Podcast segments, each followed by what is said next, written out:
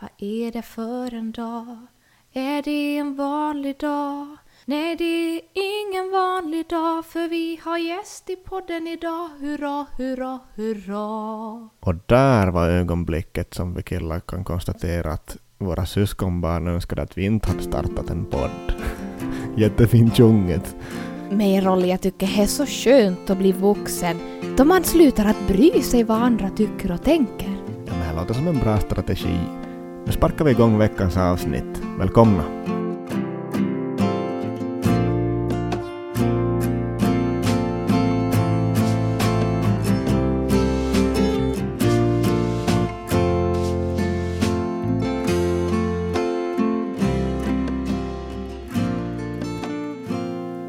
Innan vi inleder veckans avsnitt så vill vi passa på att tack så hjärtligt för alla fina kommentarer, all feedback som vi har fått på förra veckans avsnitt. Det har varit jättekul att se att ni har haft nytta av det här avsnittet och insett saker och ting. Så tack för alla positiva kommentarer och feedback från förra veckans avsnitt. Veckans avsnitt är lite annorlunda. Vi har fått in frågor gällande konflikter och knepiga relationer.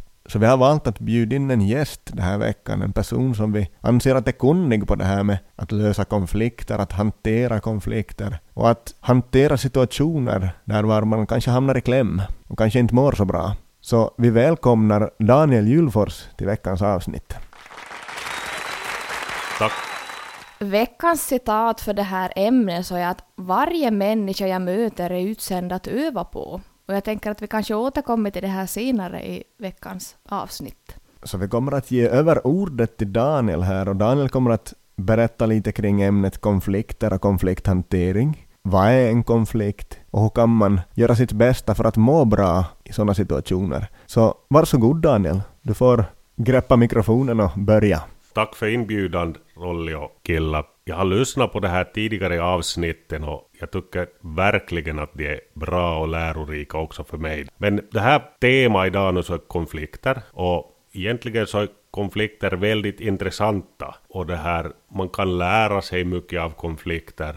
Man kan också utvecklas genom konflikter. Men just när man är i en konflikt så kan det vara väldigt jobbigt. Och vad är då egentligen en konflikt? När man har en dialog människor emellan, att man samtalar, man är på samma nivå, man kanske är klasskompisar, då är det ännu inte en konflikt. Men så fort man har kanske lite meningsskiljaktigheter, att man tycker olika, eller att man eh, är på olika nivåer, att det kan vara föräldrar-barn-roller eller lärar-elevroller, så kommer man över till ett stadie som kallas diskussion. Redan i diskussioner så kan det vara att vi är lite ovana att ha diskussioner. Vi är inte tränade idag att diskutera, att ha olika åsikter.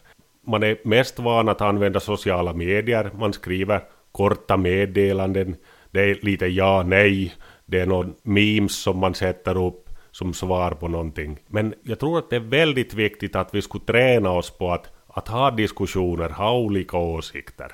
Du sa Daniel att när man kommer in på diskussioner och, och kanske har lite olika åsikter så blir det obekvämare.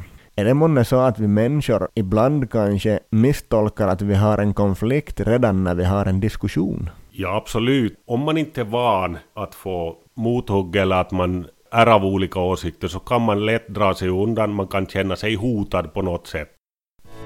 Elevpodden med Rolly och Hilla. Men Daniel, en sån fråga, när kan vi klassa som en konflikt då? Ja, en konflikt blir det när man börjar använda osakliga argument. Man börjar kanske trycka ner den andra personen, att man inte pratar till personen utan man pratar om personen någonting gäller, eller att den där personen hade en sån åsikt. Visst inte tycker vi så. Man börjar bygga upp eh, gängbildningar och sånt. När en konflikt eskalerar så börjar man också sakna förmågan att känna empati för motparten. Man är beredd att göra ganska fula saker mot den här motparten. Till och med så att man börjar ignorera. Det kan också vara en, en strategi som man väljer. Eller att man samlar ett större gäng och börjar gå över direkt till trakasserier eller mobbning.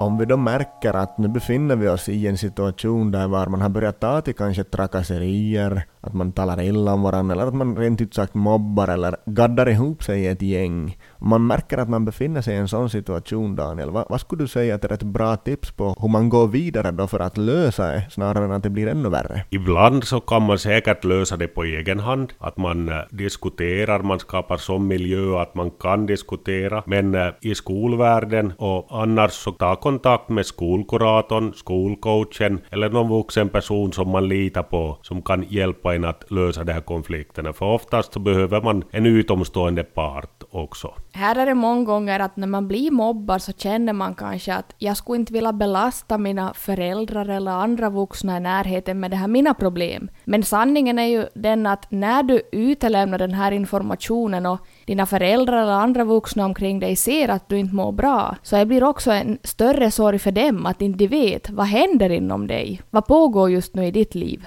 Om vi tänker oss följande scenario då, att du som ungdom tänker att nej men jag vill inte belasta någon med det här, det här är någonting som jag väljer att ha kvar och inte, inte reda ut. Vad är det värsta som det kan leda till sen, Daniel? Konflikten kommer att eskalera. Om man väljer att inte gräva ner stridsyxan så kommer det att eskalera om man, man är beredd att ta till grövre artilleri eller grövre, till och med våld, till och med att man tillsammans ner i avgrunden pratar man om i psykologin att man är beredd att eliminera både sig själv, att förstöra för sig själv och för den andra. Det är kanske som sista och värsta scenariot som händer. Vad tycker du Daniel att man borde göra för att undvika att ens hamn till steget konflikt? Vad kan man göra för att förebygga att en konflikt uppstår? Eftersom vi är ovana att diskutera så tror jag att man behöver träna sig själv att diskutera, att vara av olika åsikter, att kanske till och med debattera utan att man går till personangrepp, utan man diskuterar direkt bara saker. Det kan ju vara väldigt frustrerande om man märker att man är av starkt olika åsikter med någon. Men här tänker jag att borde inte gå här än så konkret som att, att hålla sig lugn om man märker att den här diskussionen håller på att fara åt två olika håll, borde man komma ganska långt med att redan kunna behärska sig själv. Och som vi tidigare konstaterade i podden så att vad jag känner och upplever så kan ju ingen annan påstå att det är fel. Så där får vi in två, två viktiga verktyg, att vad jag känner och upplever så kan ingen säga att det är rätt eller fel. Och så genom att använda den här övningen som vi hade den här ljudfilen för ett par avsnitt sen, där kan du ta kontroll över dig själv, för du kan ju inte styra över någon annans åsikt. Men det som du kan styra över i en konflikt när det hettar till, så är hur stressad eller uppjagad du blir. Så där går det att använda de verktygen. De här konkreta verktygen som Rolli och Killa nämner här är väldigt starka verktyg. Och det finns en modell som kommer från en bok som heter Non-violent communication, icke-våldskommunikation, som eh, innehåller att när man har en diskussion eller en debatt eller att man är av olika åsikter så börjar det med att eh, man berättar vad man upplever eller vad man har sett eller vad man har noterat. Och det kan ju ingen säga att det är fel. Nej, du har inte upplevt det. Det kan ingen säga. Utan man har rätt till sin upplevelse. Och sen så kan man som följande steg berätta att vad är det som händer i mig? Till exempel när du gör sådär så känner jag mig sådär. Och man har också rätt till den känslan. Så kan man också berätta hur du upplever att det påverkar andra. Utan att döma att jag upplever att du bete dig som ett svin till exempel. Det ska vara en egen upplevelse. Och sista steget så är att vad man konkret önskar sig av den andra. Vilket beteende eller vilket beteende önskar man att inte upprepas till exempel.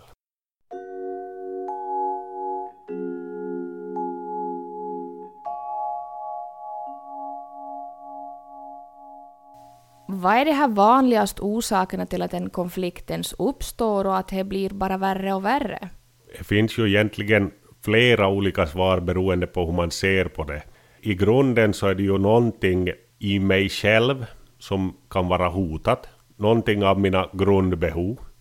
Till exempel att bli bekräftad, sedd, kärlek och kontakt, trygghet, variation, spänning eller att bidra till någonting större eller att själv vara i utveckling.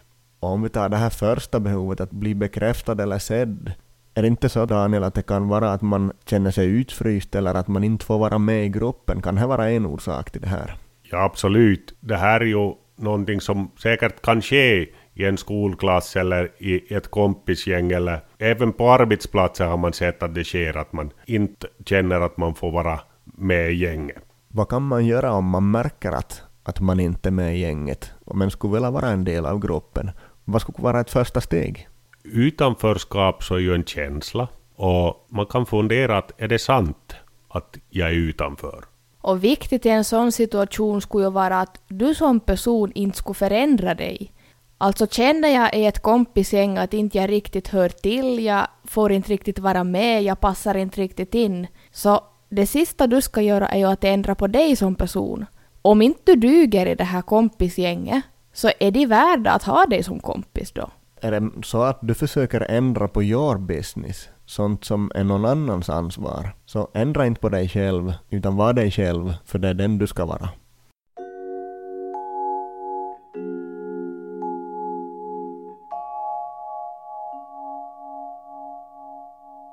Alla vi människor har ju vår egen personlighet, men det som vi behöver ta ansvar för själv så är ju vårt beteende. Så måste vi ju utgå från att ingen är tankeläsare, så alla behöver ta sitt ansvar och berätta vad man behöver och hur man känner det.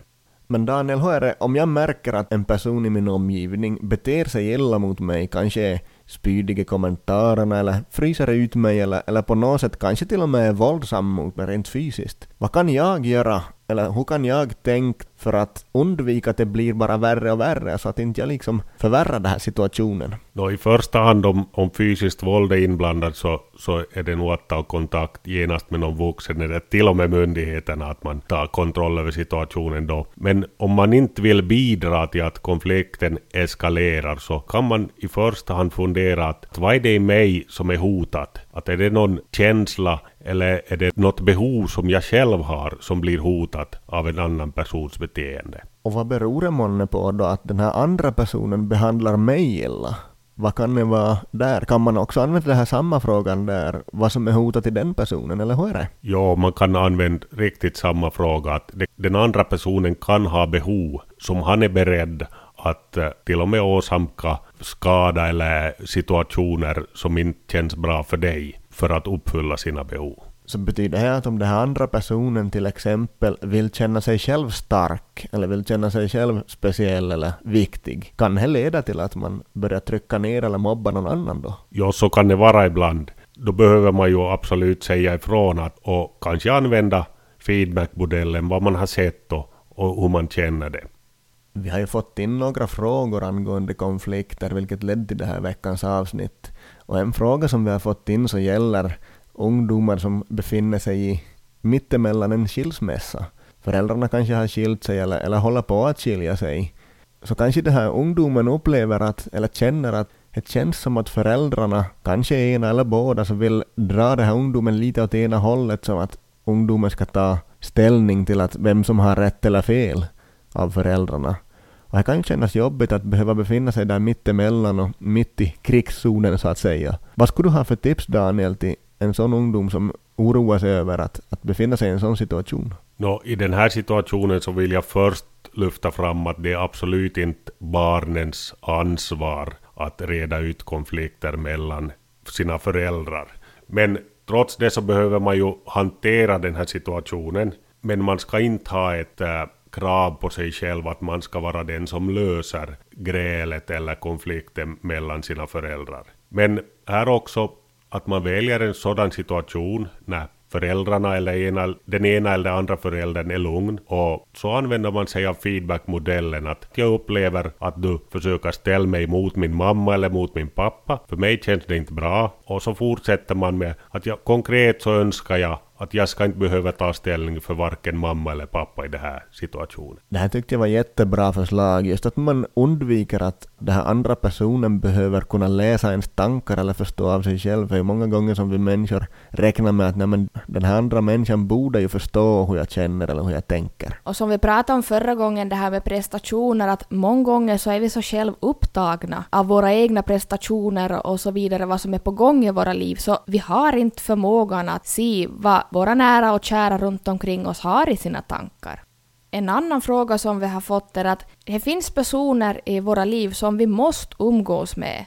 till exempel klasskamrater eller familjemedlemmar, men vi känner att vi kommer absolut inte överens med dem. Har du Daniel något tips i sådana situationer då vi faktiskt måste umgås med dessa fast vi inte riktigt vill? Ja, jag tänker i första hand att man igen får, utgå från sig själv och, och analysera att vad är det i mig som är hotat när den här personen beter sig som den gör. Och hittar man då svaret, att vad är det som är hotat i mig själv, så tror jag att man också kan hantera den här situationen på ett bättre sätt. Blir det då så att det blir ohållbart, så egentligen så som barn kanske man inte har riktigt möjlighet att välja, men som vuxen så har man verkligt möjlighet att välja att man behöver inte komma överens med alla och man behöver inte umgås med alla. Men man behöver bete sig väl mot alla.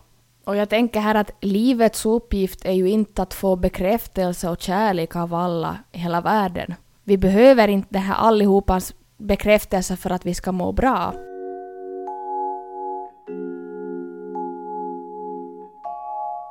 Okej, nu har vi pratat lite kring konflikter här, så hur är det Daniel om du skulle få en sista minut på dig att, att lite sammanfatta de här viktigaste sakerna att komma ihåg från veckans avsnitt? Vad är viktigast?